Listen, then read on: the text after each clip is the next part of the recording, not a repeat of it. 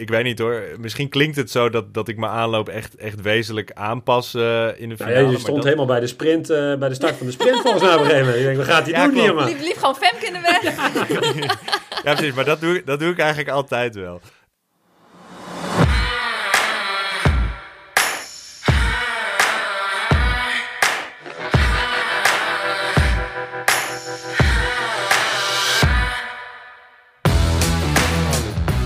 Welkom bij de vierde aflevering van Naar de Vaantjes, een podcast over hoe jij jezelf kunt uitdagen alles uit het hardlopen te halen. We bespreken alles over hardlopen, zoals training, motivatie en wedstrijden. En soms dwalen we een beetje af naar koffie. Hoe haal jij het maximale uit het hardlopen en ga je charmant naar de vaantjes? We spreken hierover met de meest inspirerende gasten. Dus haak aan voor een mooie, snelle en gezellige aflevering. Want wij gaan samen helemaal naar de vaantjes. Mijn naam is Imo Muller en aan de andere kant van de lijn zit ze Olympisch atlete en bondscoach Suzanne Cremens. Ja, zijn we weer. Yes, yes. Ja. Suzanne, wat is jouw uh, persoonlijk record hoogspringen? Oh, dat is een goede vraag. Daar heb ik eigenlijk niet over nagedacht. Ja, um, net zoals met mijn PR's en mijn tijden ben ik altijd heel erg slecht geweest in het onthouden van de statistieken. Het is niet zo hoog. Ik gok dat het iets van 1,20 is of zo. Ik denk dat het zoiets is. Ja. Wanneer, je was toen ook 1,20 meter hoog zelf. Ja, zoiets. Hè? Dat is best wel knap dan. Hè? Maar um, nou, uh, ja, ik heb eigenlijk maar tot, tot uh, nou, D-junioren misschien alle onderdelen gedaan. Denk zelfs iets ervoor. Dat ik daarvoor. Toen begon ik al echt met lopen. Dus ik heb niet zo heel lang alle onderdelen gedaan. Maar ik was overal heel slecht in. Ik denk ook wel eens dat je misschien looptalent. of in ieder geval lange afstandlopers. bijna kunt herkennen. aan dat ze verder gewoon niks anders kunnen. Dus ik weet niet, was jij er wel goed in? Ik was eigenlijk ook in bijna alles slecht. Uh, Behalve hoog springen en speerwerpen. Dat kon ik nog wel redelijk. Hmm. En wij deden altijd, ook al toen ik alleen nog maar uh, liep Deden we wel één keer per jaar aan het eind van het seizoen een meerkamp mee. Gewoon, dus, dus de werpers deden een hele meerkamp, de lopers, de sprinters, maar ook de meerkampers. Dat was echt hun moment natuurlijk. Ja. Um, en toen heb ik één keer 1,71 meter hoog gesprongen. Wauw. Ja, dat stelde... Dat is over mij heen. Oh, serieus? Nou ja, ja ik ben, ben 71, raak je me. Maar dat, ja, dat, oh, ja, dat gaat wel, ja.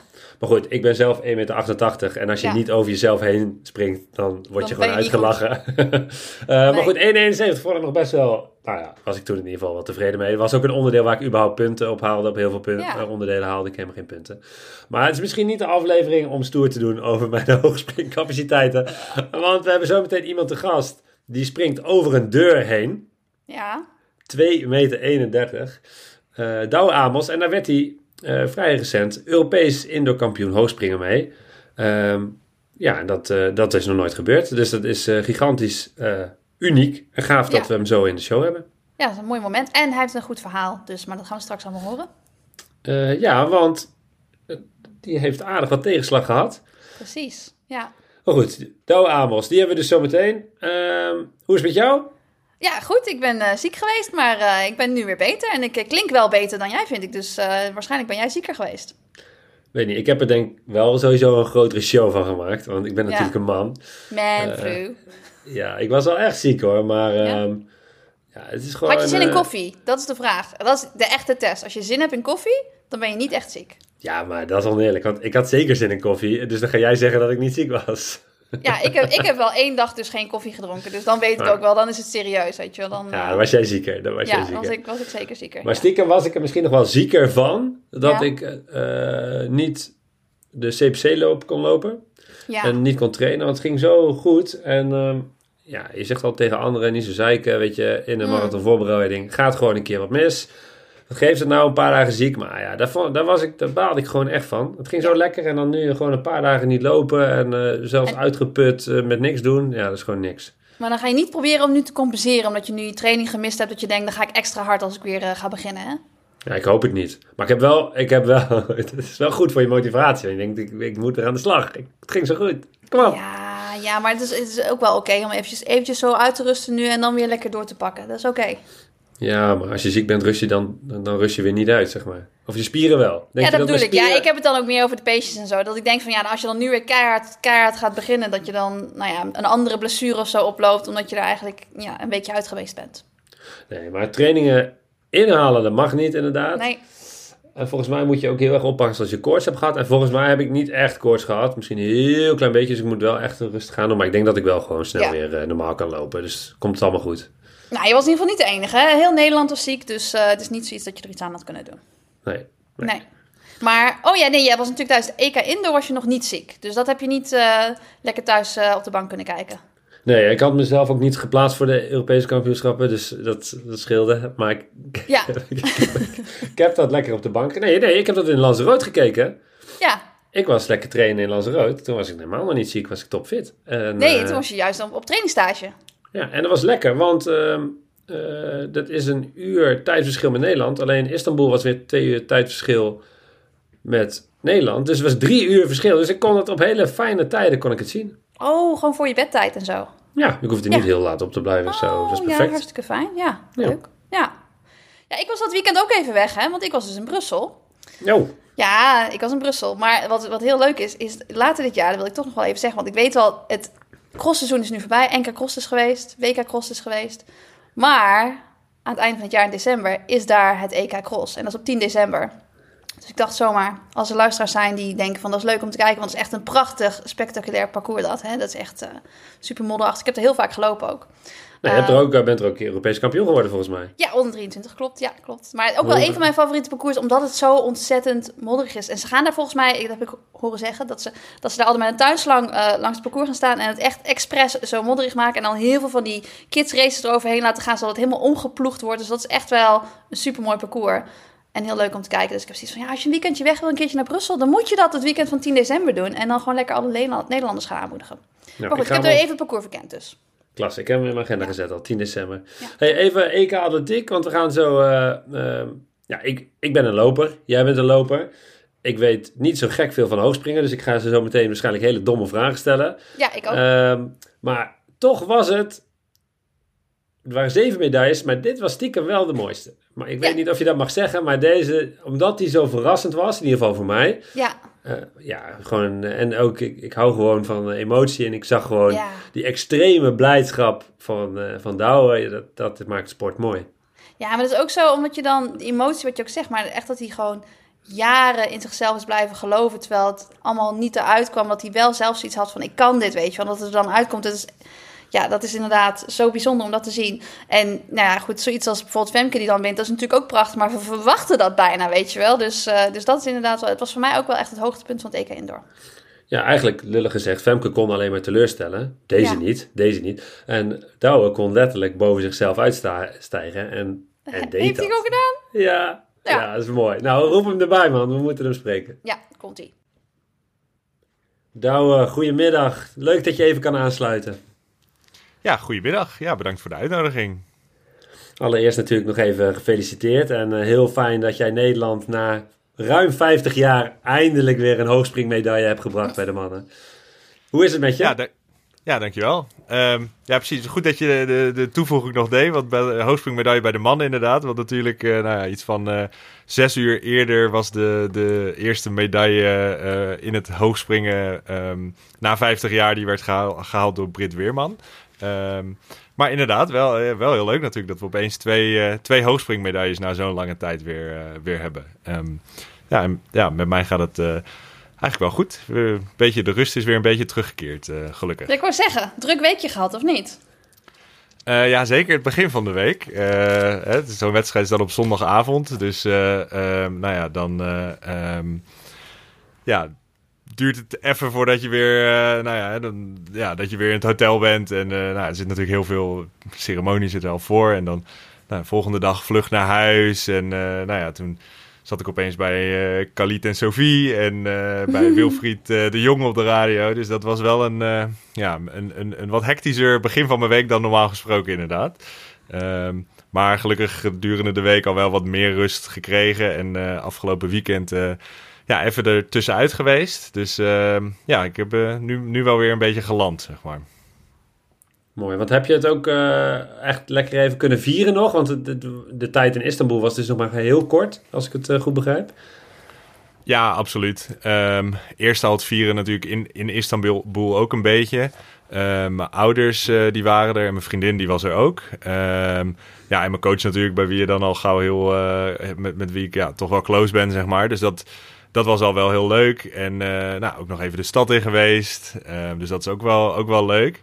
Um, maar ja, het leukste vond ik dan wel dat je thuis komt en dat je daar ehm, ja, het een beetje kan gaan vieren met de mensen die, uh, ja, die je toch het dierbaarst ook zijn dan, zeg maar, naast mijn ouders en mijn vriendin. Ehm, ja, dus dat was heel leuk. Ik kwam thuis maandagavond direct van Schiphol. Uh, opgehaald en uh, naar huis gebracht. En hier was een surprise party uh, voor mij georganiseerd. dus dat was wel heel leuk. Dus gelijk een heel groot deel van mijn vrienden ja, even kunnen zien in ieder geval en kunnen spreken. Ehm, ja, en dan de rest van de week ja, probeer je alle mensen die je dan al... Um, ja, die probeer je dan weer even te zien natuurlijk. Um, dus dat is voor het grootste gedeelte wel gelukt. dus ik heb het meermaals uh, met heel veel verschillende mensen kunnen vieren. Ja, ja mag ook wel. Um, voor ons, wij hadden het er net even over dat het uh, voor ons toch wel een, de mooiste medaille was, omdat het zo'n verrassende medaille was. Was het voor jou zelf een verrassing?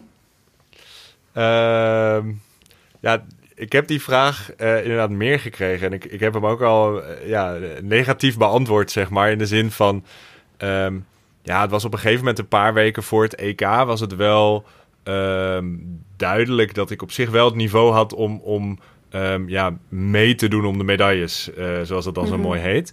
Um, dus ja, daar stel je je dan wel op in van oké, ik moet hè, eerst de kwalificatie dan nog doorkomen, wat altijd uh, ja, wel spannend kan zijn. Uh, maar dat ging eigenlijk heel goed. En ja, toen stonden we in de finale en um, ja, bij het hoogspringen is normaal gesproken een finale van 12 personen. Maar nu, omdat het indoor was, uh, was het maar 8. Um, dus ja, dan is het sowieso al een klein groepje. En dan hoef je... Ja, dan, dan, dan je hoeft er maar vijf te verslaan, je staat op podium. Ja, ja, precies, inderdaad. Ja, nou ja, dus dan, ja dat, daar ben je dan wel mee bezig. En uh, um, ja, voor mij was het in ieder geval heel duidelijk... Um, dat ik, ik zeg maar... Ik wilde me niet op de bronzen medaille richten. Want dat zie je in het mm. hoogspringen natuurlijk wel eens. Dat het op een gegeven moment duidelijk is. Dat was nu ook zo. Op een gegeven moment was het duidelijk van... Oké, ik heb brons. Um, ja. Maar ik had van tevoren wel heel duidelijk in mijn hoofd van... oké, dat is mooi, maar dan is de wedstrijd niet voorbij, zeg maar. Dus, dus zorg uh, dat je in ieder geval gewoon door blijft gaan... en dat je je daar niet te veel van af laat leiden. Uh, ja, nou, dat, lukt vrij aardig. Ja. ja. precies. Ja, dat je toch denkt, hè, hè, zo, lekker, brons. Ja, uh, zo, die is binnen.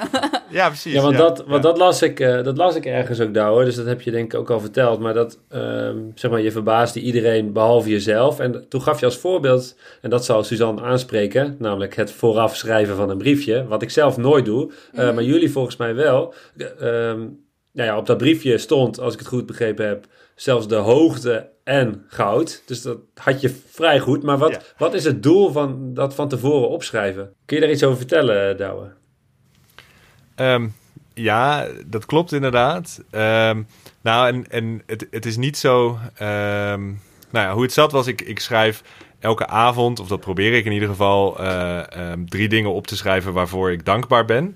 Um, en, en dat, is, uh, ja, dat zit een beetje in mijn, in mijn bedtime ritual, zeg maar. Um, en, en dat is eigenlijk ook het enige wat ik meestal rond die tijd opschrijf, zeg maar.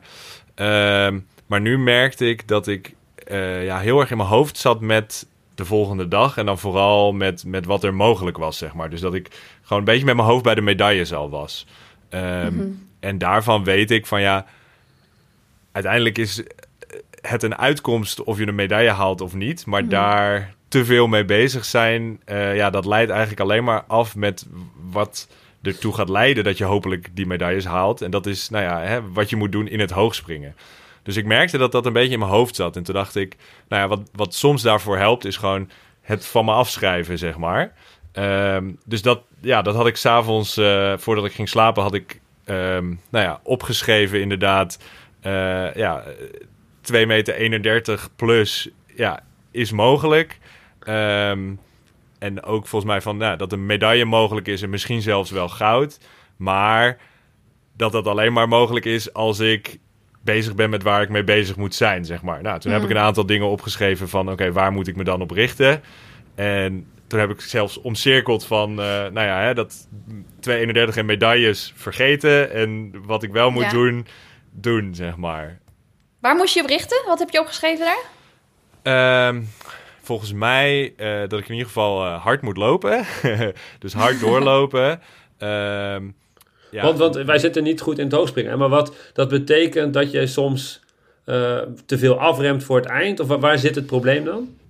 Ja, precies. Dus het, het, het belangrijkste uh, in het hoogspringen is... Uh, nou ja, je zet eigenlijk uh, snelheid van je aanloop... die zet je om in hoogte. En dat, dat gebeurt in de afzet. Um, en het liefste wil je de passen voor de afzet... dat die um, ja, versnellend richting de lat zijn, zeg maar. Mm -hmm. en dat ja, daar, daar moet je een soort van balans in vinden. Want hoe meer snelheid je in je aanloop uh, hebt, ja, hoe, hoe meer potentiële energie er is om om te zetten in hoogte, zeg maar. Uh, dus als je gewoon uh, ja, aan zou kunnen sprinten en dat zet je om in hoogte, ja, dan heb je heel veel energie om te zetten in hoogte. maar ja, er zit ook een maximum of een optimum in snelheid. Want ja, als je echt. Vlieg je de bocht uit of niet? Ja, nou ja, je vliegt de bocht uit. Of je, je kan gewoon niet zo snel je benen meer neerzetten op het einde om dan een afzet te maken. Want een, hmm. ja, een afzet maken is wat anders dan, dan lopen, zeg maar. Dus het ritme moet daar omhoog. Dus je moet de ene pas sneller, zeg maar, het moet een papam ritme zijn. En dat, ja, als je te hard gaat, dan, dan, dan kan je dat niet meer timen, zeg maar. Dus, dus mhm. daar zit een, een soort van, van optimum in. En ja, dit seizoen werkt het bij mij heel goed om ja, eigenlijk net iets harder te lopen dan ik normaal gesproken geneigd ben om te doen. Omdat uh, ja, A, um, nou ja, de snelheid dan gewoon hoger is. Maar ik, ja, ik, ik, zit dan ook net, net iets beter in die timing, zeg maar. Dus, dus daar, dat was een van de dingen die ik opgeschreven had. En wat, wat ik wel leuk vond is, ik had ook opgeschreven dat ik veel plezier moest hebben.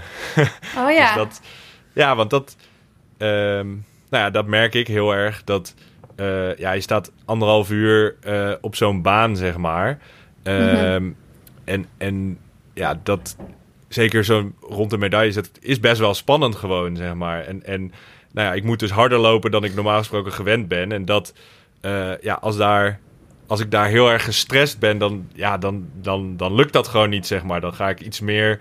Ja, dan heb ik toch iets de, iets de neiging om een beetje verdedigend te worden, zeg maar. Dus dan iets, iets behoudender. Um, maar ik moet er gewoon volle bak in. En dat lukt mij beter als ik, uh, als ik zorg dat ik een beetje relaxed ben en uh, een beetje naar mijn zin heb, zeg maar. Dus het plezier hebben is daarin, ja, is, is moeilijk, maar, best, maar ja, wel goed gelukt dit keer. heb je daar een truc voor dan? Is dat, is dat tussendoor een high five geven met iemand in het publiek? Of is dat muziek? Of is dat, hoe, of is dat dat je gaat nadenken? Of hoe, hoe, hoe breng je die plezier op de dag in je wedstrijd? Um, ja, dat hangt er een beetje van af. Er is niet echt een truc voor, want uh, ja, ik denk dat als je plezier gaat proberen te faken, dat, ja, dat, dat, ik weet niet, dan is het niet echt plezier, zeg maar. Dan is het gewoon, hmm. Dus ik, ik probeer gewoon, uh, dus het is wel soms, uh, ja, het is heel erg afhankelijk van het moment. Een voorbeeld, um, we waren aan het inspringen, dus voor de wedstrijd begint ben je aan het inspringen, zeg maar. En we hadden daar iets minder tijd um, ja, dan normaal. En daardoor zat er een beetje haast in de groep. Uh, dus iedereen was heel snel aan het inspringen. En er was één Poolse jongen die de lat... Je mag dan vragen van, oké, kan de lat omhoog, zeg maar. Nou, hij deed dat eigenlijk de hele tijd. Um, waardoor er... Nou, en toen was het inspringen afgelopen. En toen moesten we direct... Uh, ja, dan word je voorgesteld. Dus dan moet je even terug, uh, terug de catacombe in. En dan word je eruit gehaald, zeg maar. En er zat echt zo'n hele je zag, ik voelde gewoon aan iedereen en, en dat, dat iedereen een soort van ja, gespannen was, zeg maar. Gestrest door hmm. die haast. Um, en ik begon niet de eerste hoogte, maar de tweede hoogte. Dus ik dacht, nou, weet je wat, ik moet hier even weg. Dus toen ben ik naar de overkant van het veld gelopen, waar twee polstokspringers um, uit Duitsland bezig waren. Of die waren, ja, we begonnen een beetje op, dezelfde, op hetzelfde moment, zeg maar. En ik heb in Leverkusen getraind vijf jaar lang. Dus ik kende hem best wel goed. Dus toen ben ik even daarheen gegaan, even succes gewenst, zeg maar. En nou ja, daarmee onttrek ik mezelf dan een beetje aan die sfeer in de wedstrijd waarvan ik denk, dit moet ik niet hebben. Mm. En ja, reset ik een beetje om, om, om dan in de sfeer te komen die ik zelf wel nodig heb, zeg maar. Ja, dus die ontspanning is voor jou wel ook heel belangrijk. Dus het is niet alleen maar dat je de hele tijd gefocust bent. Je moet ook af en toe even uitstappen dan. Ja, precies. En, en uh, ja, het, het, is, ja, het is een beetje een vreemde manier van ontspanning misschien. Want hmm. ja, echt relaxed ben je natuurlijk ook niet. Maar ja, het is, ja, ik beschrijf het soms wel eens als vrijheid, zeg maar. Dus ik moet gewoon de vrijheid hebben om, om uh, ja, te doen wat ik moet doen, zeg maar. En ja, soms zijn er dingen die, je, ja, die me daar dan een soort van in beknotten of zo. En daar, ja, daar probeer ik dan in zo'n wedstrijd iets mee te doen. Maar dat is het, eigenlijk hetzelfde met dat briefje wat je ook zegt. Van, nou ja, dat je daar dan zeg maar je doel op schrijft. Een soort van, nou ja, dat kun je lekker parkeren en dan kun je lekker bezig zijn waarmee je bezig wil zijn. En ik zeg wel eens tegen lopers van, nou ja, je run the mile you're in. Hè? Je, je, je, moet je nu bezig zijn met waar je nu bezig bent. En niet in een 10 kilometer heeft het niet zoveel zin om na 5 kilometer te zeggen, nou, uh, ik hoop dat ik straks een goede eindsprint heb. Maar op een gegeven moment kom je dichter bij die finish. En is het wel handig om daarmee bezig te zijn? Is er voor jou dan in zo'n wedstrijd ook een moment dat je zegt van... oké, nu mag ik eventjes wel aan uh, deze hoogte denken... dat ik hier overheen moet of, of, of, of aan het podium of de medailles... of heb je dat helemaal niet gehad totdat je klaar was? Uh, jawel, maar dat is meer... of dat probeer ik dan, maar te zorgen dat het een soort van feitelijke informatie is, zeg maar.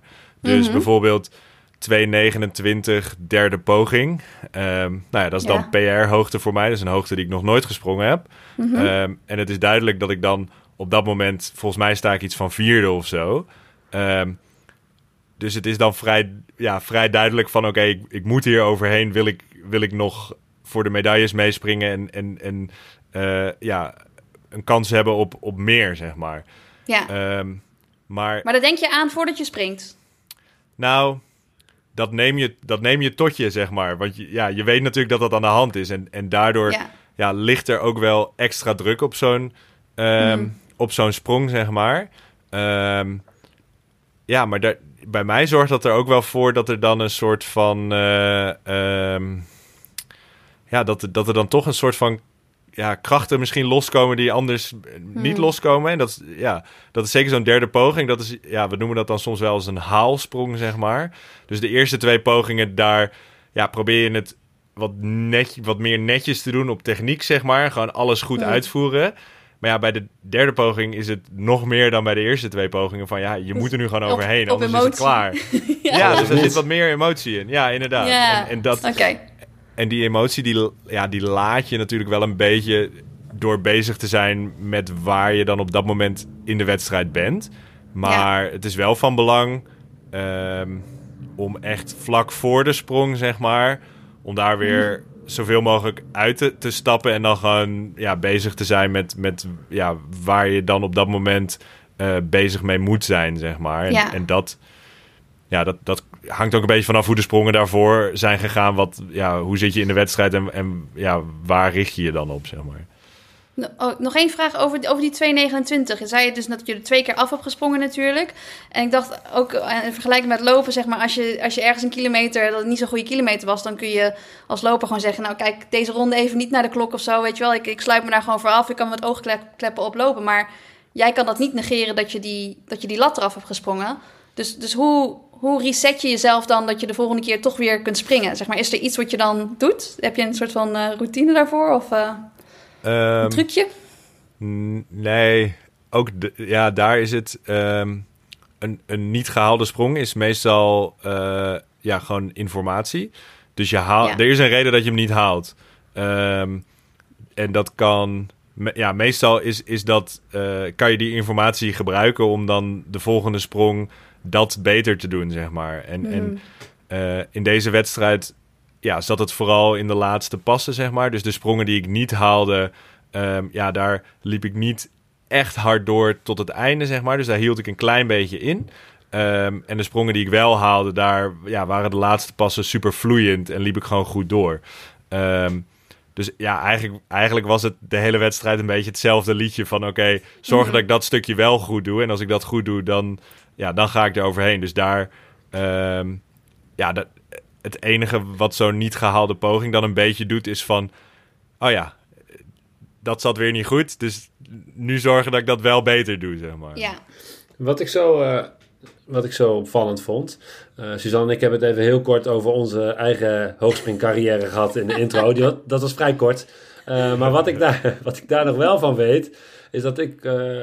Uh, je ging altijd meten, zeg maar. En misschien is dit wel echt een pupillen junioren voorbeeld. Maar je ging echt vanaf de afzet zo meten waar je dan moest beginnen met je aanloop. Daar zette je met tape een kruisje neer. En je ging vanaf daar altijd je aanloop best wel een patroon creëren, zeg maar, van die aanloop waar over hebt. Maar volgens mij, jouw, jouw aanloop die was krankzinnig lang en anders dan normaal. Dus in de finale pas jij iets wezenlijks, dacht ik, zo gigantisch aan.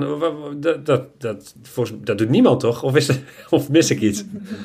Nou, ik, het is niet zo. Uh, um, misschien, ik weet niet hoor. Misschien klinkt het zo dat, dat ik mijn aanloop echt, echt wezenlijk aanpas uh, in de finale. Nou ja, je stond helemaal bij de sprint, uh, bij de start van de sprint volgens mij op een gegeven moment. Denkt, wat gaat hij ja, doen hier, man? Lief, lief gewoon Femke in de weg. ja, precies. Maar dat doe, dat doe ik eigenlijk altijd wel. Um, dus het is, nou, het is wel zo. Um, dus, dus je hebt helemaal gelijk. Ik pas ook gewoon mijn, uh, een aantal voetjes uit, zeg maar. Um, en daar zet ik dan een tapeje neer. En dat, dat is dan mijn beginpunt. En Um, ja, die is eigenlijk wel altijd hetzelfde. Het enige is dat um, ja, op, het moment, op het moment dat je een beetje beter in vorm begint te komen, dan ga je ook harder lopen. Dus dan, um, ja, dan moet je gewoon naar achter, zeg maar. Dus het aantal passen, dat is hetzelfde. Dat is bij mij 11. Mm Maar ik sta wel, ik denk een meter of drie is best wel veel als ik dat zo zeg. Uh, naar achter ten opzichte van uh, ja, vorig jaar, denk ik, zeg maar. Dus ik ben gewoon echt wel uh, een stuk harder gaan lopen in mijn aanloop. Mm Oké. Nou, je hebt, al, je hebt natuurlijk ook uh, niet altijd bij dezezelfde coach gezeten, ook in het buitenland, in Leverkusen. Um, en sowieso verschillende coaches gehad. Ik ben eigenlijk wel nieuwsgierig wat je van de verschillende coaches hebt geleerd om nou tot, nou ja, dit resultaat te komen. Uh, dat, is, dat is een hele goede vraag. Uh, want dat is, um, nou ja, ja, inderdaad hoe het is. Je, je, je pikt denk ik bij elke coach waar je zit. Um, ja, leer je iets en pik je uh, verschillende dingen op. Um, en, en, en nou ja, dat allemaal bij elkaar uh, ja, leidt dan tot zo'n uitslag als nu. Maar dat, dat um, nou ja, ja, het heeft tien jaar gekost, zeg maar, uh, mm -hmm. om nu weer zo hoog te springen of, of, of hoger. En, uh, maar dat, dat, ja, dat is wel echt een, een weg waar ik heel veel uh, van heel veel mensen heel veel geleerd heb, zeg maar. Um, maar ik, ik, kan wel een poging doen om het een beetje gestructureerd uh, antwoord te geven. Dus mijn eerste coach, dat is Siert Wijnalda. Dat is in Drachten bij de vereniging geweest. Mm -hmm. um, ja, die heeft gewoon de basis gelegd, zeg maar. Dus ik was eigenlijk altijd technisch gezien... Um, of tenminste, ja, toen ik daar weg ben gegaan... was ik technisch best wel een goede hoogspringer... Aan het begin was ik nog wat klein. Um, maar toen ik een jaar of 16 was, toen uh, begon ik gelukkig toch nog te groeien. Um, nou ja, en, en toen uh, um, nou ja, begon, dat ook, ook, ja, begon ik ook hoger te springen, zeg maar. Nou, en toen ben ik gaan studeren. En toen ben ik naar, uh, ja, naar Delft verhuisd. En toen ben ik bij Rini van Leeuwen gaan trainen in Zoetermeer. Mm -hmm. ja, en hij heeft mij ja, echt wel een beetje ja, tot topsporter gevormd, zeg maar. Dus aan het begin, uh, ja, ik heb, ook, ik heb ook in een studentenhuis gewoond en ik heb echt mm -hmm. nog best wel uh, wat leuke feestjes meegepakt, zeg maar. Zeker aan het begin. Uh, toen ja. ik iets van 18 was, toen ik naar Delft kwam.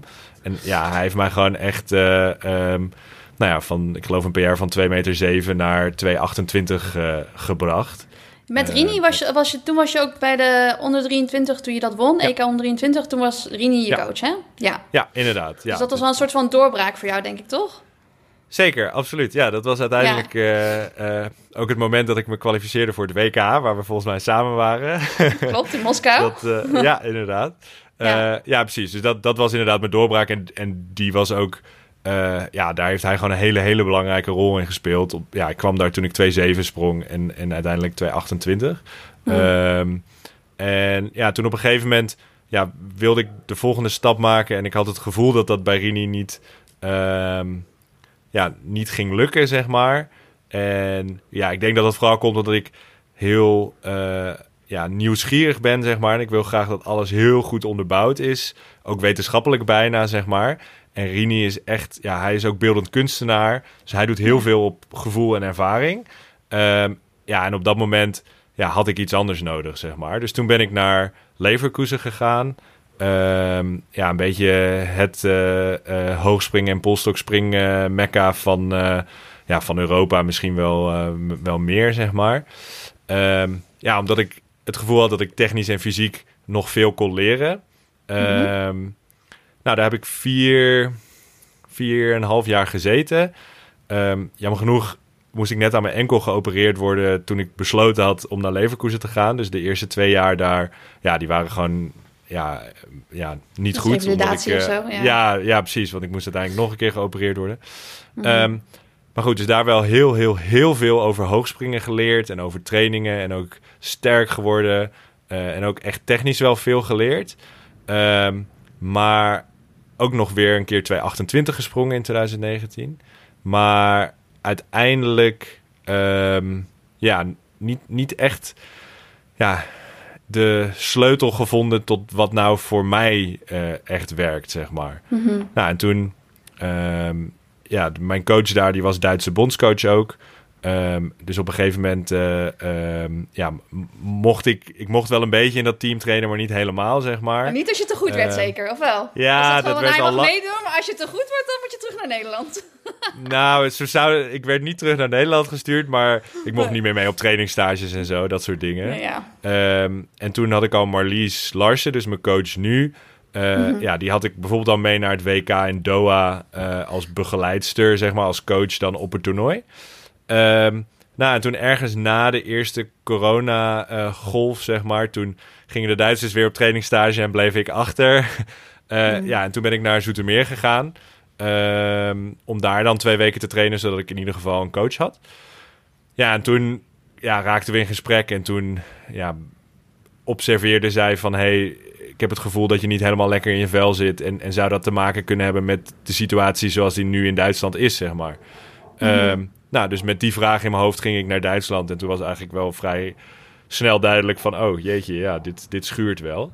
Um, nou, dus toen ben ik nee, terug, Maar iemand uh, moest het dus wel, uh, zeg maar, voor jou eigenlijk aanwijzen dat dat zo was. Ja, ja, ja absoluut. En, en dat in combinatie met het feit dat uh, in die twee weken training... we ja, met een aantal dingen bezig waren geweest waarvan ik dacht... hey, dit zit... Dit, ja, dit zit veel dichter bij wat ik nodig heb dan wat we in Duitsland aan het doen zijn, zeg maar. Mm -hmm. um, ja, dus toen heb ik vrij snel de keuze gemaakt om dan weer terug, terug naar Nederland te komen. Um, ja, en toen ben ik het proces met, uh, met Marlies uh, aangegaan. En die zei, aan het begin van het proces zei ze, dit gaat of heel makkelijk of heel moeilijk worden. Um, nou, en uiteindelijk is het iets meer de moeilijke kant opgegaan dan de makkelijke kant. Maar uh, mm -hmm. ja, wel met, met succes inmiddels. Ja. Maar geen groep meer dan dus? Uh, minder inderdaad. We hebben nog wel wat hoogspringers. Dus er is ook nu uh, Ritsert Punt, is een, uh, volgens mij is hij 17 of 18. Die heeft vorig jaar volgens mij de beste prestatie bij de B-junioren geleverd. Um, die traint wel bij mij en mijn vriendin die is verspringster. Die, daar train ik ook een, ja, die traint ook bij Marlies, zeg maar. Dus er, en er zijn nog wat andere hoogspringers die ook wel eens avonds trainen. Dus um, ja, het is wel een beetje een groep. Maar de trainingen zijn wel helemaal. Um, mijn trainingen zijn helemaal op mij afgestemd, zeg maar. Ja. Ja. Ik had een vraag, want je, er wordt natuurlijk heel veel. wordt nu geschreven van. Uh, uh, hij heeft uh, goud gehaald onder 23. Hele tijd niks. En nu eindelijk weer wat. Nou, dat hele tijd niks is volgens mij wel opgevuld met 18 Nederlandse titels. Maar ja. daar, daar lees je dan niks over. nee. Maar, uh, Voor de casual fans is dat? ja, maar, maar ervaar jij het ook? Oh, heb jij het ook zo ervaren? Van uh, heel lang niks. Ik bedoel, je, je hebt net al uitgelegd wat je wel heel veel geleerd hebt. Hmm. Ja. Um, nee, ik heb het zeker niet als niks ervaren. Ik denk ook dat je tien jaar niks heel lastig volhoudt. Uh, ja, dan ga je niet door. Nee, nee, nee precies. Dus, dus nou, dat is... Ja, ik had het net al even over het plezier, zeg maar. En, en dat is bij mij wel echt een belangrijk punt. Dat um, ja, ik uiteindelijk het hoogspringen en het bezig zijn met het hoogspringen beter begrijpen en mezelf beter begrijpen en dan die twee dingen bij elkaar brengen, zeg maar. Um, mm-hmm. Ja, dat vind ik gewoon heel erg leuk. Um, en elke dag op de baan zijn vind ik ook heel erg leuk. Um, dus, dus dat, um, nou, dat is een beetje de belangrijkste drijfveer achter bij mij. Dus dan, dan is het al wat, ja, wat makkelijker vol te houden, zeg maar. Maar wat ik herken op zich de narrative, zeg maar, wel een beetje. Want toen ik net naar Marlies overgestapt was, toen ja, negen maanden later waren de Olympische Spelen, zeg maar. En die wilde ik natuurlijk graag halen. Um, en dat lukte uiteindelijk niet. En ja, dat was wel echt een, uh, een dieptepunt voor mij, zeg maar. En toen ik een beetje in, in, op dat dieptepunt zat, toen merkte ik opeens dat ik een soort van uh, idee in mijn hoofd gehad had van oké, als ik de Olympische Spelen haal, misschien zelfs de finale haal, zeg maar, dan heb ik daarmee in één klap de afgelopen, nou wat was het toen, acht jaar of zo goed gemaakt, zeg maar. Hm. Dus toen dat idee wat je beschrijft van oké, niks en dan nu dit, dat zat toen wel in mijn hoofd. Dat is ook wel heel veel ehm, druk daarop dan. Zeker. Dus toen. Ja. En dus, dus dat is ook de een van de belangrijkste redenen dat het niet lukte. En maar ik snap het wel eigenlijk. Toch? Ja, ik snap het wel. Het is zo. Het is toch ook in je hoofd het aller. En zo van is niet voor niks geweest, ja. Ja. nou ja, precies. Maar toen ik dat besefte, toen dacht ik, ja, ik begrijp het op zich ook wel. Maar ik ben het er eigenlijk helemaal niet mee eens. Want als ik op dat moment bij mezelf zou zeggen: Oké, joh, dit was het, ik ben er klaar mee. Uh, ik stop ermee, zeg maar. Dan zou ik wel terugkijken op een carrière waarvan ik zou zeggen: Oké, daar had misschien meer in gezeten, maar wel een carrière waar ik het heel erg naar mijn zin gehad, gehad heb. Waar ik heel veel hele leuke dingen gedaan heb. Waar ik twee keer op een WK geweest ben. Uh, toen in de EK-finale gestaan heb. Waar ik een Europese titel onder 23 gehaald heb, zeg maar. Nou ja, toen was het uh, denk ik 16 keer Nederlands kampioen. waarvan ik achteraf best zou zeggen... oké, hier ben ik eigenlijk nu al best wel trots op. Um, ja. en, en dat was een beetje, denk ik, een soort van omslagpunt... dat ik dacht van, oh ja, ik kan er nu gewoon mee ophouden... en daar vrede mee hebben. Um, maar heb je dat ook overwogen om, de, om echt mee te stoppen dan? Op dat moment? Um, nou, ja en nee. ik heb het op tafel gelegd, zeg maar. Want dat dat had ik tot dat punt had ik dat eigenlijk nooit gedaan. Omdat ik zoiets had van nee, ik heb potentie, die moet ik nog inlossen. Dus elke keer als ik een toernooi niet haalde, of het ging niet goed genoeg, of iets in die richting, dan ging ik op vakantie, dan kwam ik terug en dan dacht ik, hop, volgend seizoen, dan ga ik die belofte inlossen, zeg maar. Ja, ja. precies. En, en daarmee was er eigenlijk nooit een serieuze gedachte van, oké, ik ga ermee stoppen, zeg maar. En nu na Tokio dacht ik, ja, dat, dat wil ik in ieder geval niet. Dus ik wil niet op de automatische piloot weer die beslissing nemen van... oké, nog een seizoen en dan gaat het wel lukken of zo. Het was gewoon, nee. Ik, dat gooi ik gewoon van tafel af. En uh, ja, geen idee. Ik zie, ik, zie, ik zie wel wat er gebeurt, zeg maar. Ja. Um, en toen merkte ik al heel gauw van, oké... aan wedstrijden denken en zo, ja, dat, dat zat er totaal niet, totaal niet in. Maar ik werd wel s ochtends wakker dat ik dacht... nou, ga even naar de baan. Even trainen even hoog springen, even krachttraining doen, zeg maar. En mhm. dat, dat was eigenlijk al na een week of zo. Dus toen dacht ik, oké, ik ga het nog niet uitspreken, maar ik weet dat ik er nu niet mee op ga houden. Maar uh, nou ja, het, ja het, het zal misschien nog wel even duren voordat ik wel weer uh, aan wedstrijden kan denken. Aan hoogtes misschien zelfs mhm. wel, aan toernooien. Ja, uh, maar ja. er was nog een vlammetje dus. Ja. Maar met die 2,31 heb je je denk ik nu uh, ook wel geplaatst. Of hoe, hoe werkt dat? Uh, nee, uh, want het oh. kwalificatie, hoe zeg je dat? de periode window? die open... Ja, de window. De periode inderdaad, die, die begint pas 1 juli volgens mij. Ah. Dus ik heb me nog niet geplaatst, maar het kon ook nog niet. Dus, ja. Ehm, maar ik heb mezelf wel een goede dienst bewezen, want hiermee kom ik in grotere wedstrijden, uh, waar dan punten voor de world ranking te halen zijn, zeg maar. Ja. Uh, en, en dat is uiteindelijk, uh, um, ja, dus vanaf 1 juli kan ik of 2 meter 33 mhm. springen, of ik moet hoog genoeg op de world ranking staan. Ja. En dat laatste, dat is in ieder geval een stukje makkelijker geworden nu. Maar, maar is de grootste dienst die je zelf niet hebt bewezen dat je nu ook gewoon hebt laten zien van, nou ja, ik kan op het toernooi staan en het gewoon doen als het moet en hoog springen? Ja, klopt. Ja, ja, nee, dat, ja, tuurlijk. Dat is wel waar. En dat, het, het mooiste daarvan is dan denk ik dat, ja, dat ik dat altijd in mijn hoofd had van ja, ik kan dit. Uh, Maar goed, als het dan tien jaar ja, niet gebeurt, zeg maar, ja, dan snap ik wel dat in ieder geval de rest daar een beetje aan gaat twijfelen. En daar zit zelf ook wel een beetje twijfel in natuurlijk. Ja, maar dat is uh, net zoals dat filmpje. Ik zag ook dat je dat gedeeld had van uh, Jasmine Sawyers, die bij uh, die natuurlijk het verspringen won. En die ook zei van uh, zoiets van, ja, je, je, people think you're delusional, weet je wel? Als jij jaar na jaar blijft zeggen, ik kan dit, ik kan dit. En op een gegeven moment als het dan gebeurt, dan ben je niet meer delusional. En het is like, ja, ik wist dat al lang, weet je wel. Maar dat is inderdaad wel mooi dat zo'n moment dan komt. Ja, absoluut. Ja, ja dus er zijn op een of andere manier heel veel parallellen met de titel die, uh, die Jasmine Sawyers won. Want inderdaad, ze zei van ja, you have to have some degree of self-delusion. Van ja, ik ga dit gewoon nog een keer doen. En dat als je dat twaalf keer achter elkaar gezegd hebt, dat mensen dan zeggen... Oké, ja, tuurlijk. Uh, heel leuk, Douwe. Succes, Ja, ja, ja, tuurlijk. ja, mooi. Maar ja, als je het dan doet, dan zeg je... Ja, is wel waar. Ja, mooi is dat. Dus dat is wel, ja, dat is wel fijn. Maar ook dat... Um, ja, wat was het dan? We hadden het net over vrijheid, zeg maar. Uh, maar dit zijn natuurlijk in die periode dat het niet lukt, zijn dit ook allemaal dingen die in je hoofd spelen. Van ja, en ik ga, ik ga het nog bewijzen, weet je wel, dat soort dingen. Um, mm-hmm. Maar ja, het zijn ook allemaal dingen waarvan ik geprobeerd heb om die een beetje los te laten. Want ja, je hebt er niks aan, zeg maar. Ja, voor sommige mensen zou het misschien een soort van fuel kunnen zijn, maar voor mij is dat in ieder geval niet zo. Uh, dus ja, dat zijn allemaal dingen waarvan ik gewoon geprobeerd heb om die ja, om daar helemaal niet mee bezig te zijn, om dat los te laten, zeg maar. Um, ja. Maar goed, als het dan lukt, is het wel toch fijn dat het dan dat ook een beetje heeft, zeg maar. Van, ik was toch niet gek. Ja, precies, ja. ja. zeg maar, het maakt me niet uit, maar haha. ja, ja, precies. Nice. Hey, nog even uh, laatste vraag. Je had het al even over, uh, over Brit. En ik hoorde ook... Uh, uh, Arjen Lubach zegt, ik weet niet of jij dat kijkt, maar die zei: Het is eigenlijk heel gek, want Nederlanders zijn de allerlangste mensen ter wereld. Waarom wenden wij dit niet gewoon altijd?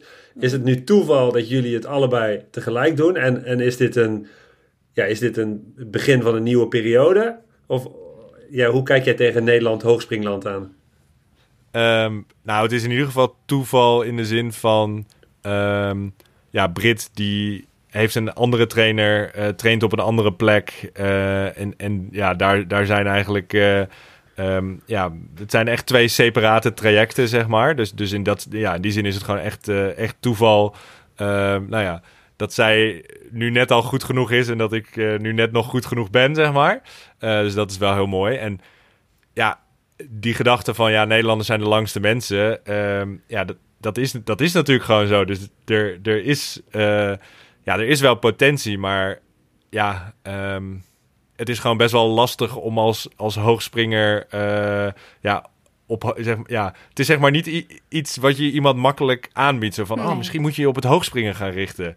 Uh, maar verlies je die ja. hoogspringers ook niet aan volleybal of zo? Denk je ook niet dat de, ja. potentiële... Ja. Aan alles, ja, zeker. Ja. Nee, zeker. Dus, dus aan, aan, aan... Maar wat ik de afgelopen tijd, jaren bij ons het meest gezien heb... dat je ze gewoon verliest aan uh, aan studeren, aan maatschappelijke carrière. Want ja, hoe. Um, ja, waarom? Het is heel lastig om, om. Zeg maar, de propositie voor hoogspringer in Nederland is gewoon niet zo goed, zeg maar. Dus je moet uh, wel een beetje. Uh, ja, steekje los hebben, bijna misschien, zeg maar. Ja. Wil, je dat, wil je dat heel lang doen.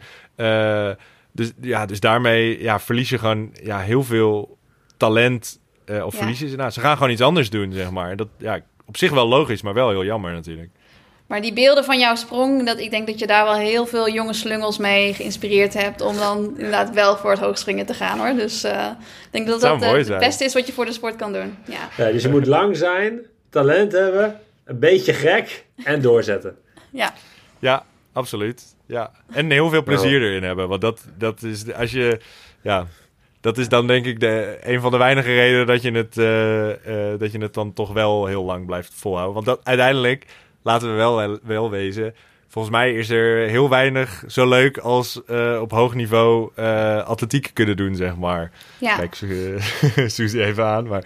Ja, zeker. Ja. Nee, maar ook bij het NK Indoor zelfs, weet je. Toen je daar bezig zag met het publiek opzwepen... en als je, als je dat gewoon ziet, zo'n competitie, dat is gewoon echt...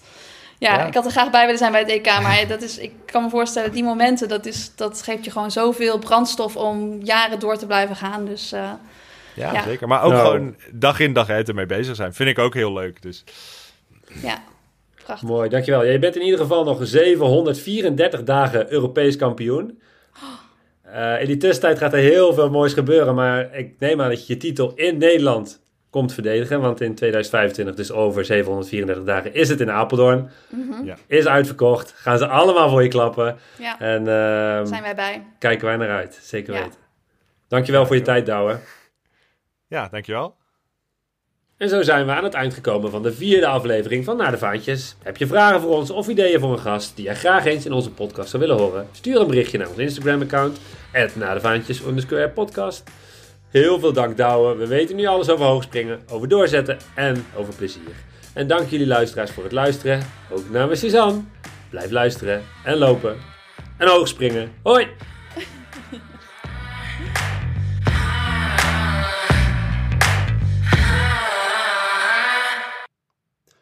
Oh ja, heb je nou een prachtige naar de vaantjes foto van jezelf? Post hem dan met de hashtag naar de vaantjes. Ja, of als je nou op social media een foto voorbij ziet komen van iemand waarvan je denkt, nou, die is echt enorm naar de vaantjes gegaan. Zet de hashtag er dan onder. Of je mag ons ook altijd taggen, naar de vaantjes underscore podcast. Dan kunnen we allemaal lekker meegenieten.